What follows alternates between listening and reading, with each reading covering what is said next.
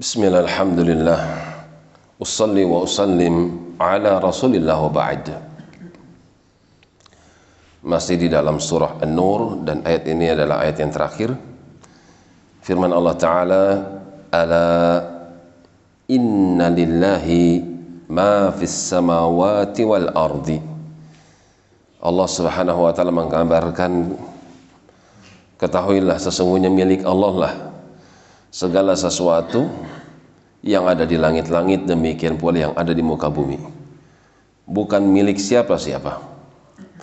Yang memiliki maka dialah yang mengatur. Yang memiliki yang mengatur segala urusan maka dialah yang layak untuk dipinta. Dialah yang layak untuk diibadati.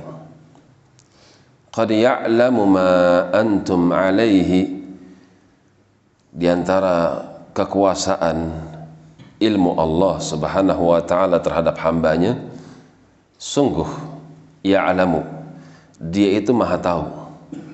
Ma antum alaih. Apa yang ada pada diri kalian semuanya? Apa yang kalian rasakan sekarang?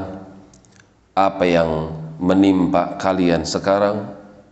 Sungguh Allah maha tahu apa yang telah berlalu apa yang sedang terjadi dan bahkan apa yang akan terjadi wa yawma ilaihi ketahuilah pada satu hari di mana kalian dikembalikan kepada Allah setelah terjadi hari kiamat, setelah hari kebangkitan, kalian pulang menuju Tuhan kalian. Fayunabbi'uhum bima amilu. Allah akan mengkabarkan setiap apa yang telah kalian kerjakan. Akan ada hisab, akan ada hari perhitungan setiap amal perbuatan yang dilakukan oleh hamba akan ada perhitungannya di sisi Allah. Siapa yang dihitung dengan hitungan yang mudah, maka itu adalah kebahagiaan bagi hamba tersebut. Akan tapi siapa yang didebat oleh Allah Subhanahu wa taala, dia menghisab dan dia mempertanyakan, maka itu merupakan kecelakaan bagi hamba. Wallahu bikulli syai'in alim.